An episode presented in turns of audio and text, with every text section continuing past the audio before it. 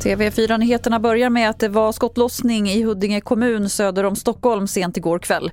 Polisen fick larm om smällar i området Vårbygård strax efter 22-tiden och på platsen hittades en skjuten man som fördes till sjukhus med skador i den nedre delen av kroppen.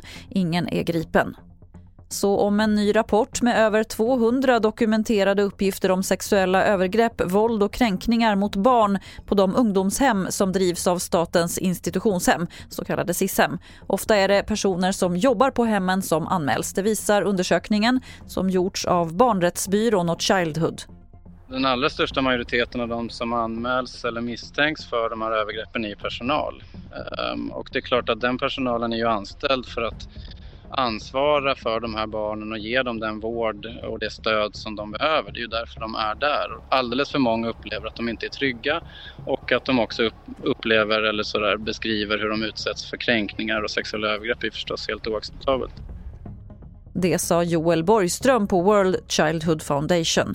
Till sist kan vi berätta att man har hittat fågelinfluensa på en gård i Kävlinge kommun i Skåne. Jordbruksverket har bestämt att man ska spärra av gården och över 20 000 djur ska avlivas. Smittan tros ha kommit in i anläggningen genom spridning från vilda djur. Fler nyheter finns på tv4.se. Jag heter Lotta Wall.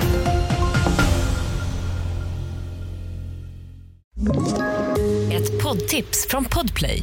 I fallen jag aldrig glömmer djupdyker Hasse Aro i arbetet bakom några av Sveriges mest uppseendeväckande brottsutredningar.